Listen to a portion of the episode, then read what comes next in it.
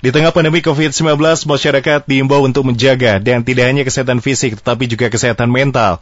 Untuk memelihara kesehatan mental saat kondisi pandemi COVID-19 terjadi, ini beberapa tips dapat dipraktikkan oleh masyarakat. Jadi upaya pertama yang dapat dilakukan tentunya yakni membatasi informasi yang berlebihan. Begitu ya, biar tidak terlalu cemas. Terus memilah informasi yang diperoleh. Ya, selanjutnya masyarakat juga dapat menghindari perasaan yang tidak nyaman dan mengatasi permasalahan kesehatan jiwa. Masyarakat dapat melakukan teknik keterampilan seperti relaksasi dengan menarik napas dalam-dalam begitu ya. Kurang lebih gambarannya seperti itu. Selengkapnya, informasi lainnya akan disampaikan langsung bersama narasumber kami mengenai kesehatan jiwa saat pandemi COVID-19. Dan sudah terhubung melalui sambungan telepon bersama Dr. Trisiana Irawati selaku Kepala UPT Puskesmas Pagarsi, Kota Bandung. Dokter Trisiana Irawati, halo. Halo.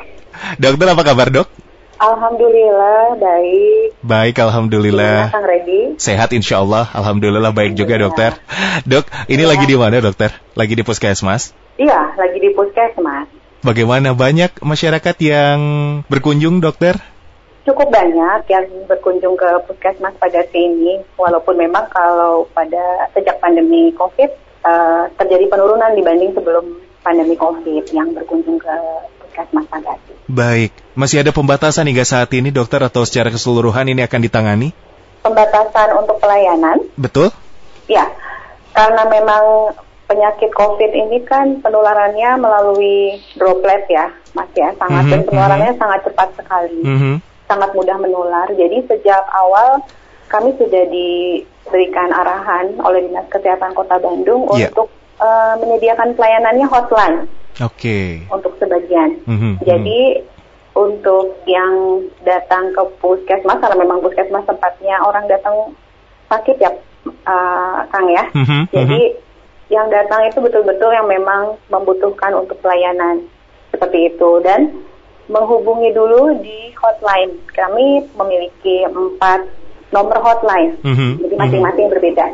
Ada hotline khusus untuk COVID sendiri, kemudian ada hotline khusus pelayanan di umum, kemudian hotline untuk pelayanan gigi dan mulut, serta hotline untuk pelayanan kesehatan ibu dan anak, gizi, dan eh, yang lainnya seperti itu. Baik, dokter terima kasih. Ini tentunya kondisi terkini yang bisa diinformasikan terus kondisi di Puskesmas Pagarsi Kota Bandung. Demikian ya dok ya.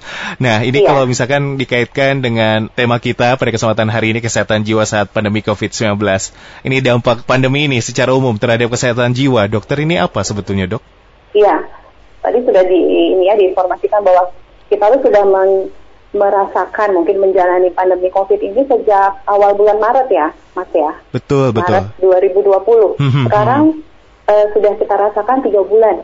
Nah, tentunya selama tiga bulan ini semua itu terdampak masyarakat terhadap pandemi COVID ini. Jadi bukan dampaknya itu bukan hanya fisik saja orang itu sakit, tetapi juga terhadap kesehatan mental atau jiwa. Karena penyakit COVID ini mau tidak mau ya karena penularannya cepat dan juga bisa berakibat yang fatal ya ada kasus bisa menimbulkan kasus sampai meninggal pada Mhm. populasi tertentu seperti lanjut usia dan yang memiliki penyakit sebelumnya ya penyakit kronis.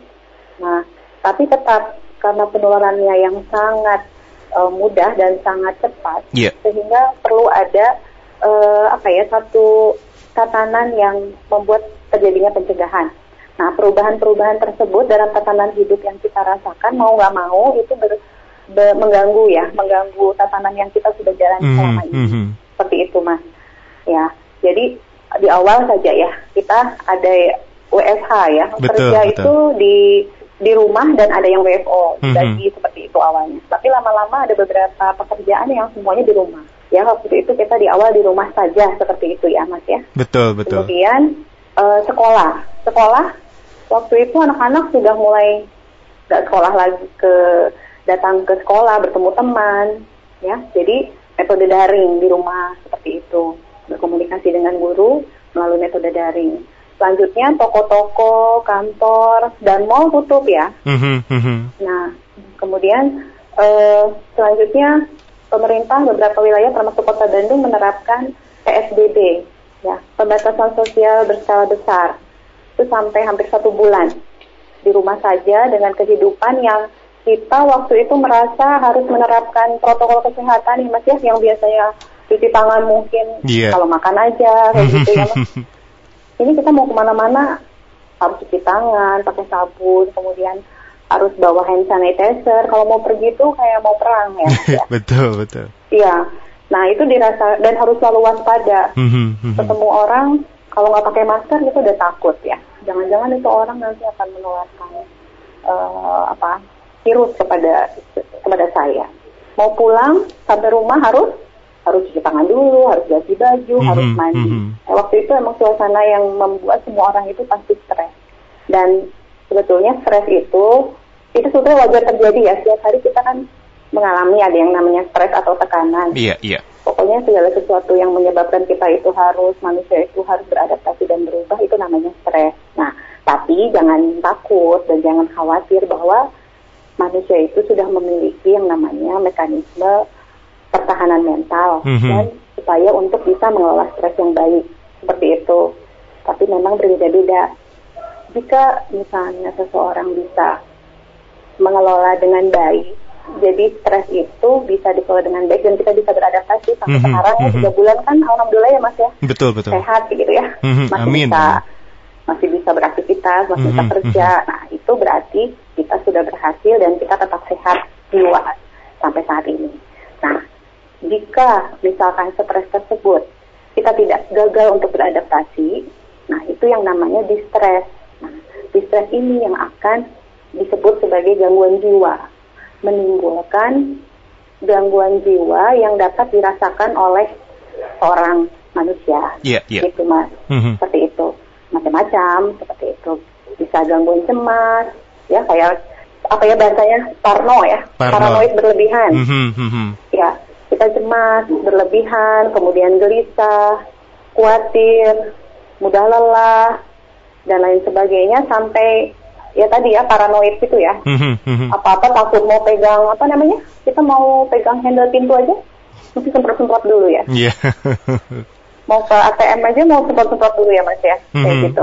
nah itu salah satu gejala gangguan cemas. Kemudian juga ada gangguan depresi.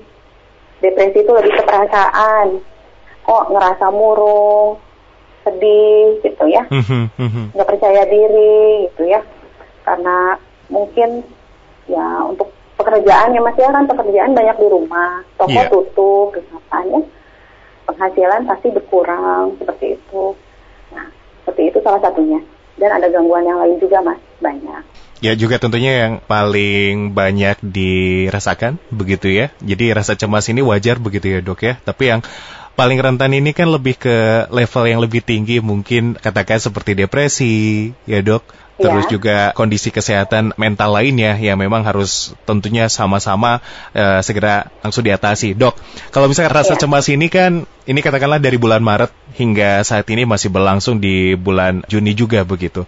Tapi terlihat Ya. bahwa ada beberapa fase masyarakat sudah mulai eh, tentunya tidak separanoid di awal-awal demikian. Nah, Ya. ada beberapa golongan juga saya bilangnya golongan karena tentunya ada saja warga masyarakat yang nampak seperti cuek dokter, tidak memperhatikan atau tidak melakukan protokol kesehatan. Misal tidak menggunakan masker ya dok, banyak di tempat umum seperti itu dok. Nah, dalam hal ini apakah orang-orang tersebut ini sudah tidak ada lagi rasa cemas ataupun bahkan paranoid berlebihan yang tentunya berkaitan dengan pandemi COVID-19 ini dok? Nah memang sekarang kondisinya seperti itu ya mas ya Mhm, mhm. Jadi di sisi lain tenaga kesehatan berusaha untuk eh, berusaha mem- memberikan sosialisasi kepada masyarakat dari Iya, awal iya. ya. Mhm. Eh, tapi karena memang tadi tiga bulan berlalu itu nggak mudah mas. Stres pada masyarakat ini sudah banyak. Jadi kan kita tuh perlu hidup ya. Saya juga kadang eh, kami tuh melihat setelah eh, mau Lebaran ya mungkin ya. Mau Lebaran itu mulai kelihatan perubahan masyarakat Betul, betul. ya mulai eh, belanja ya seperti itu keluar ramai-ramai kemudian juga ada arus mudik seperti itu ya mas ya setelah itu setelah lebaran kita sekarang mulai siap-siap masuk ke new normal AKB ya Mhm. adaptasi Kebiasaan baru ya. baru. Mhm. nah tapi memang kan di kota Bandung kita baru meng- mau menghadapi AKB saat ini kita masih memasuki PSBB proporsional Jadi di Kota Bandung ini kita masih statusnya PSBB. Jadi artinya ini untuk Kota Bandung ya Mas ya. Mm-hmm. Kota Bandung itu masih ada penderita uh, COVID yang positif, yang mereka sekarang masih diisolasi, baik ada yang diisolasi secara mandiri di rumah, ada juga yang diisolasi di tempat-tempat yang sudah disediakan oleh pemerintah atau di rumah sakit, seperti itu. Tapi sekarang yang kita cukup harus yang harus dari justru OTG ya. Mungkin sudah pernah mendengar OTG, orang tanpa gejala. Mm -hmm.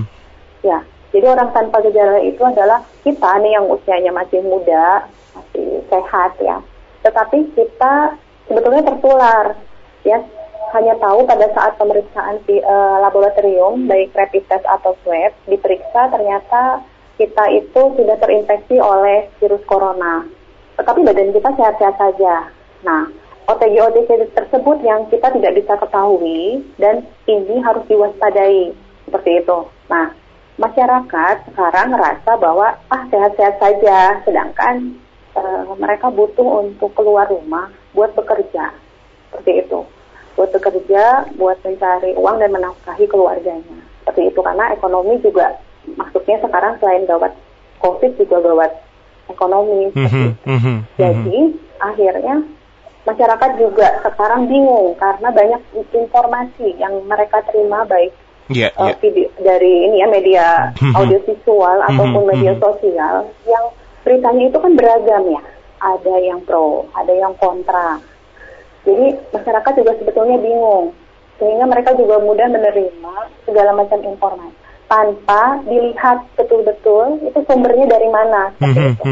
Jadi kalau memang kita bilang kita nggak bisa menyalahkan masyarakat bahwa mereka udah nggak peduli atau mereka tidak cemas. Kalau menurut kami, kami juga ngobrol gitu ya Mas ya, mm-hmm. bicara gitu. Kenapa nggak mau dilakukan pemeriksaan uh, rapid padahal ini ada screening misalnya. Mereka takut gitu karena berita-berita yang tidak betul. Jadi mereka sebetulnya cemas. Mereka sebetulnya cemas bahwa mereka tahu penyakit itu ada, tapi seperti apa mereka harus keluar dan mereka juga mendengarkan media-media informasi tadi yang beragam. Nah, sayangnya akhirnya kalau memang kita masih berpikiran positif, kita waspada, kita masih ikut protokol kesehatan ya, mm-hmm, kita pakai mm-hmm. masker. Nah, tapi buat masyarakat yang kurang paham dan kurang peduli dan melihat yang lainnya juga nggak pakai masker, ini gitu ya. Aku juga nggak pakai aja seperti itu. Akhirnya kita bisa melihat sekarang orang sudah mulai membuka ini ya, membuka masker, nggak pakai masker karena melihat yang lain tidak pakai masker. Jadi kalau bagi kami uh, untuk kesehatan dan tim gugus COVID ya, nah, kita kami ada namanya tim gugus COVID. Yeah. Kalau di puskesmas kita tingkat kecamatan, nanti di atas ada tingkat kota. Selain dari puskesmas, mas ini juga kewilayahan, mm-hmm. jadi dari mm-hmm. camat, lurah, uh, koramil, kemudian uh, kapolsek, babinsa babin kamtipmas, semua tokoh agama.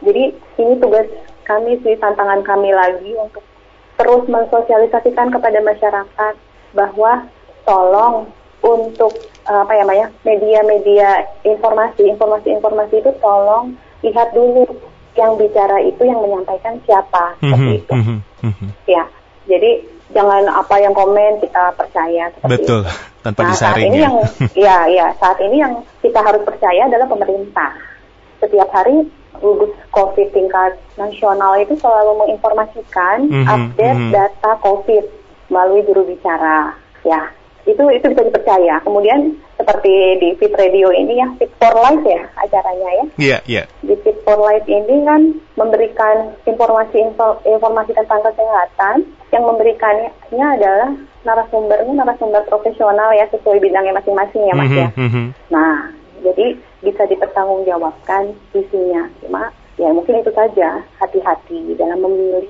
dan memilah informasi yang ada sekarang. Baik, Dokter Trisiana, terima kasih. Jadi tentunya harapan bahwa masyarakat juga bisa memfilter secara bijak begitu, memilah dan juga memilih informasi yang tentunya sesuai dan iya. valid begitu ya.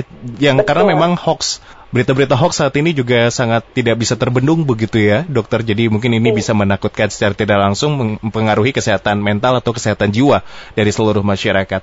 Lalu dokter, tentunya dokter ini kan memang dekat sekali dengan warga masyarakat. Hingga saat ini, bagaimana dok kalau kita eh, berbicara mengenai kesehatan jiwa, saat ini masih ada yang masyarakat lebih ke paranoid kah atau sudah lebih bersahabat, sudah lebih adaptasi dan tentunya tinggal mengikuti anjuran atau arahan dari pemerintah menerapkan protokol kesehatan, dok.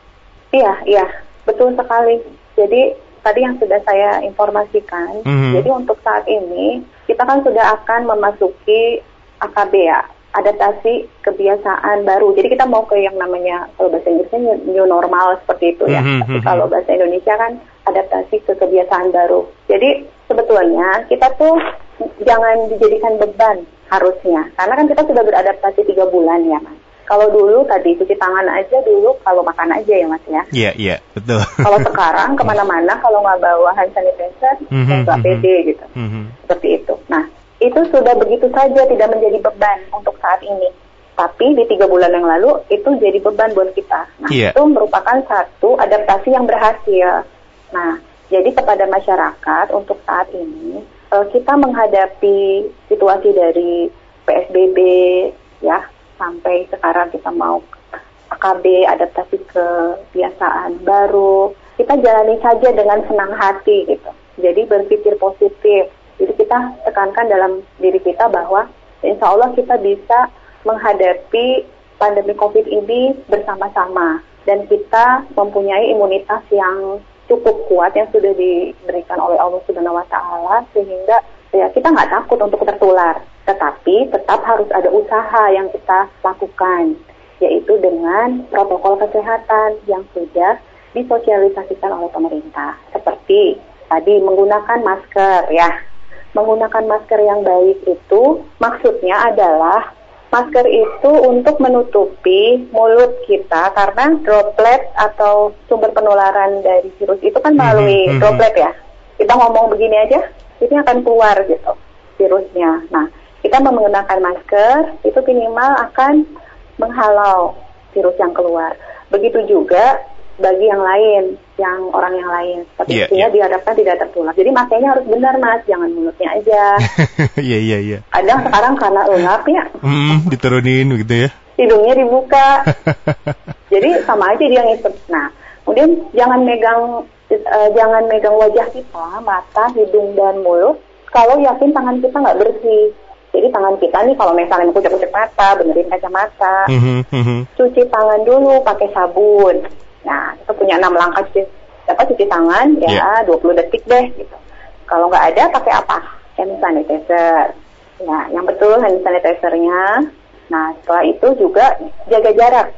Ya, saat ini kita masih yang namanya social dis- distancing dan Mhm, physical mhm. distancing. Jaga jarak sekitar 1 sampai 2 meter protokol kesehatan itu. Maksudnya supaya tidak ada kontak fisik dan penularan tadi. Selanjutnya juga protokol kesehatan yang lainnya. Sekarang kita sudah mulai rasakan, kan sekarang sudah dibuka ya mas ya? Mall kayak gitu udah mau dibuka. Iya. Toko-toko sudah mulai buka lagi. Ya, pasar sudah mulai buka lagi. Nah, kita sekarang sudah, kita juga mengawasi itu.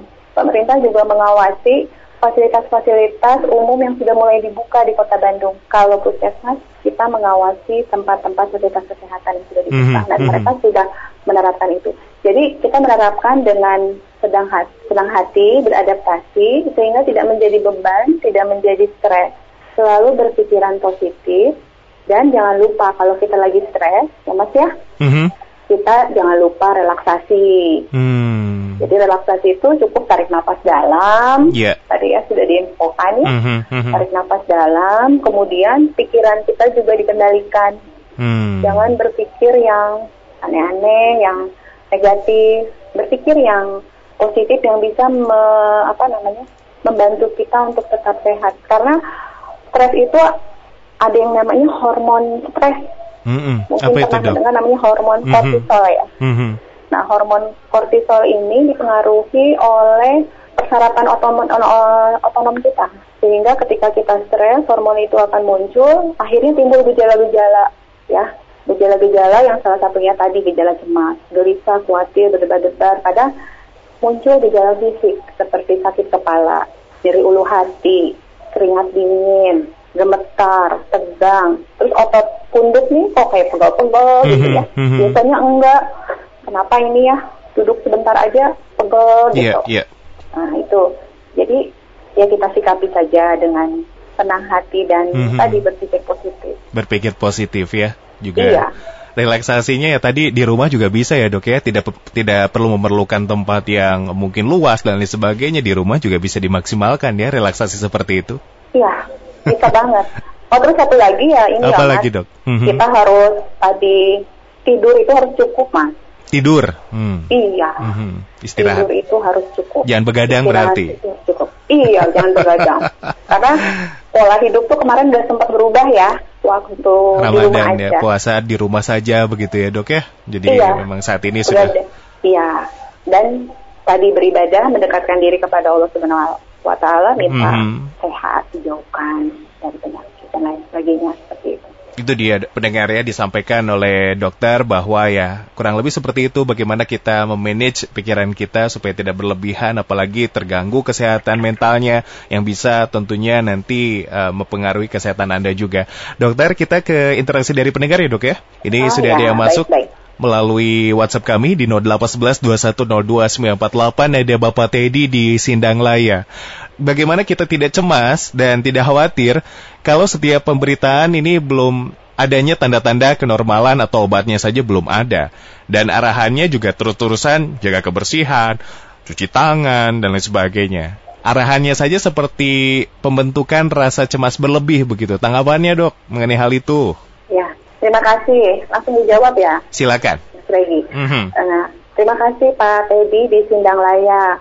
Ya, betul Pak, Bapak pasti cemas nonton berita di TV, beritanya seperti itu. Kemudian ketemu mungkin petugas kesehatan memberikan penyuluhan. Hati-hati ya cuci tangan pakai sabun dan lain sebagainya.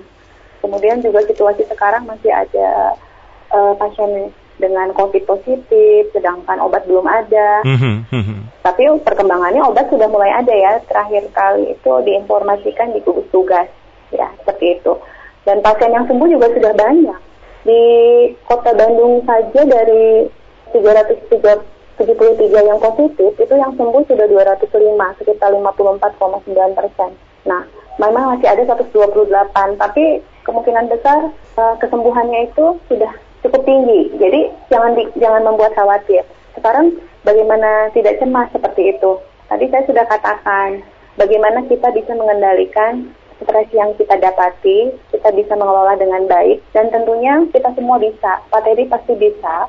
Yaitu tadi jangan dijadikan beban bahwa untuk hati-hati dengan ketika keluar rumah ya harus cuci tangan dan lain sebagainya. Kemudian pulang harus sebelum masuk ketemu anak-anak kita harus mandi, harus uh, ganti baju, baju harus dicuci, pakai deterjen dan lain sebagainya. Nah, itu tolong disikapinya, kita jangan merasa itu menjadi beban, tapi kita beradaptasi bahwa itu menjadi hal yang biasa kita lakukan. Jadi kalau kita melakukan itu tidak menjadi beban, lama kelamaan secara eh, apa ya di bawah sadar itu menjadi kebiasaan kita yang akhirnya akan menimbulkan ya itu biasa aja seperti itu. Jadi kayak normal kembali gitu. Prosesnya memang beratnya pada saat dari yang belum biasa menjadi biasa. Itu sangat susah seperti itu. Tapi insya Allah semua orang itu sudah punya di sudah diberikan mekanisme pertahanan tubuh eh, terhadap stres itu sudah sudah ada seperti itu. Jadi jangan terlalu khawatir dan kalau saran saya Pak harus memilih tadi, memilih dan memilah berita, jangan semua didengar. Artinya kalau Iya. misalnya kita nggak tahan ya, Mhm, mhm. misalnya kan sekarang banyak informasi yang mengerikan ya bagi kita Betul, betul dokter. dan itu tidak ada manfaatnya buat kita, tidak usah terlalu skala luas gitu ya, Mas ya. Kita yang di lingkungan kita saja seperti apa, seperti itu di kota Bandung seperti apa. Jadi mungkin itu bisa membantu kita untuk nggak cemas berlebihan. Barangkali itu Pak Teddy. Baik, demikianlah Pak Teddy. Sudah ditanggapi langsung oleh dokter. Selanjutnya ada Mas Yandi di Cimahi. Dampak apa yang bisa terjadi ketika kebingungan atau kecemasan, baik untuk di bidang kesehatan maupun di ekonomi? Ini belum menunjukkan perbaikan, dokter. Ya, jadi tadi selain obatnya tadi juga belum ada yang yang betul-betul ya Mhm, mhm. menyembuhkan. penyakit ini baru bisa dikendalikan jika vaksin sudah ada. Karena kan kita juga mengetahui ada penyakit-penyakit menular itu bisa dikendalikan Mhm, penularannya dengan ditemukannya vaksin. Nah, kita harus bersabar. Semoga vaksin ini segera ada, kemudian bisa penyakit COVID ini bisa dikendalikan. Dan mau nggak mau faktanya harus kita terima bahwa COVID ini ada, penyakit eh, COVID ini ada dan penanggulangannya itu nggak bisa sebentar. Oke. Kalau ditanya, apakah sekarang berapa bulan lagi sih? Karena banyak yang nanya, dokter kami lelah, berapa lama lagi sih dok ini tes gitu. Banyak yang seperti itu bertanya. Mhm, mhm. Nah, ya saya bilang, ya harus sabar Pak, kita harus tetap semangat karena nggak bisa sebentar. Ini bisa sampai berbulan-bulan lagi ke depan. Mudah-mudahan sih enggak ya. Mhm, Tetapi mhm. ini akan berangsur-angsur menjadi baik keinginan kita seperti itu. Karena vaksin belum ditemukan, nah, tapi kita berusaha agar tidak ada lonjakan lagi kasus yang positif seperti itu. Nah, e, memang kita untuk di Kota Bandung ini sudah terjadi penurunan Mhm, kasus mhm. positif termasuk di wilayah Puskesmas Pagarsi aja ya Mas ya Ya, ya. pasien itu sudah sangat eh, yang positif itu sudah pada sembuh seperti itu. Kami ya sudah cukup sudah tinggal sedikit lagi seperti itu yang penderitanya. Tetapi kami berupaya untuk supaya tidak ada lagi penderita-penderita yang baru. Nah, usaha ini itu memang harus bersama-sama seluruh masyarakat Mhm, nggak mhm. bisa sendiri. Jadi kalau dibilang garda terdepan saat ini sudah bukan orang kesehatan saja atau eh, aparat pemerintahan ya, tetapi justru nomor satu yang garda terdepan adalah masyarakat karena yang bisa mengendalikan penyakit ini adalah masyarakat. Yaitu tadi menerapkan protokol kesehatan, tapi dilakukan tidak merasa terbebani. Ya, dengan tadi dengan senang aja gitu udah. Sudah jadi biasa. Cuci tangan biasa. Kemudian pakai apa? Pakai masker itu Mhm, menjadi hal yang mhm. biasa. Malah sekarang kalau nggak pakai masker jadi nggak biasa ya mas ya? Betul, betul. iya. Padahal dulu kalau yang pakai masker aneh ya tuh kayak kayak sombong nih pakai masker gitu. Kalau sekarang ngebalik gitu. Jadi maksudnya eh, nggak usah bingung. Mhm, sekarang pemerintah mhm. sudah mulai memikirkan penyakit harus diatasi tetapi ekonomi pun harus diatasi. Sehingga sudah mulai tadi adaptasi dibuka toko ya dibuka kantor. Kemudian juga ojek online nanti kan boleh nah ini ya boleh kembali membawa penumpang Mhm, seperti mhm. itu. Jadi kita berharap sekali perekonomian kita bisa tumbuh ya bisa kembali lagi menghilangkan stres karena tadi kekurangan ekonomi masalah kebutuhan sehari-hari Iya. tetapi juga tidak ada peningkatan lagi eh, orang-orang kasus COVID yang positif seperti itu. Penderitanya juga nggak nambah lagi. Dan itu harus yakin, insya Allah bisa. Kalau kita bersama-sama, seluruh masyarakat, kemudian juga tenaga kesehatan, kita akan terus membantu untuk memberikan pelayanan kepada masyarakat. Insya Allah bisa, Mas. Seperti itu. Baik, itu dia tentunya terima kasih juga untuk Mas Yandi di Cimahi yang telah bertanya pada kesempatan hari ini kepada Dr. Trisyana. Dokter, terima kasih telah menanggapi uh, interaksi dari pendengar ya, yang juga di mana tentunya ini juga yang ditanyakan adalah kekhawatiran dan ini uh, wajar begitu ya, Dok ya. iya, iya, iya, sama-sama, Mas. Ya, ini ya semua juga khawatir untuk saat ini. Betul. Dokter, selanjutnya tentunya berkenan untuk menyampaikan dukungan kepada seluruh tenaga medis atau rekan sejawat, kepada seluruh masyarakat ataupun pasien COVID-19 mengenai pandemi COVID-19 ini ditutup dengan closing statement juga. Mangga dokter. Eh, kepada seluruh pendengar Fit Radio, ya salam sehat untuk semuanya dalam menghadapi pandemi COVID ini yang sudah kita jalani sangat lama. Diharapkan untuk eh, mari kita tetap semangat untuk menghadapi ini, eh, tetap melakukan kegiatan sehari-hari dan pekerjaan kita sehari-hari dengan menghadapi eh, AKB, the new normal, adaptasi kebiasaan baru, melakukan kegiatan sehari-hari dengan tetap menjalankan protokol kesehatan yang sudah ditetapkan oleh pemerintah.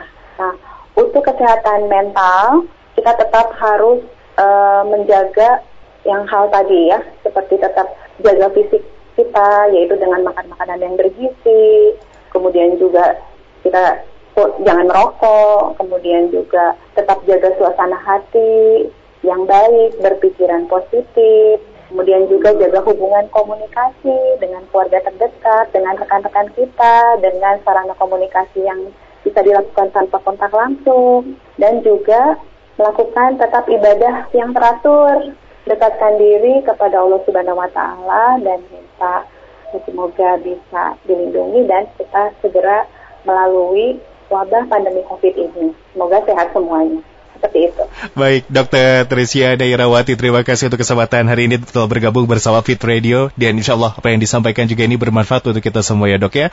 Dokter, ya. selamat ya. beraktivitas, tentunya selalu jaga kesehatan dan salam kepada rekan-rekan di Puskesmas Pagarsi. Demikianlah bersama Dokter Tricia Dairawati selaku Kepala UPT Puskesmas Pagarsi Kota Bandung memberikan informasi kepada Anda di Fit for Life mengenai kesehatan jiwa saat pandemi COVID-19.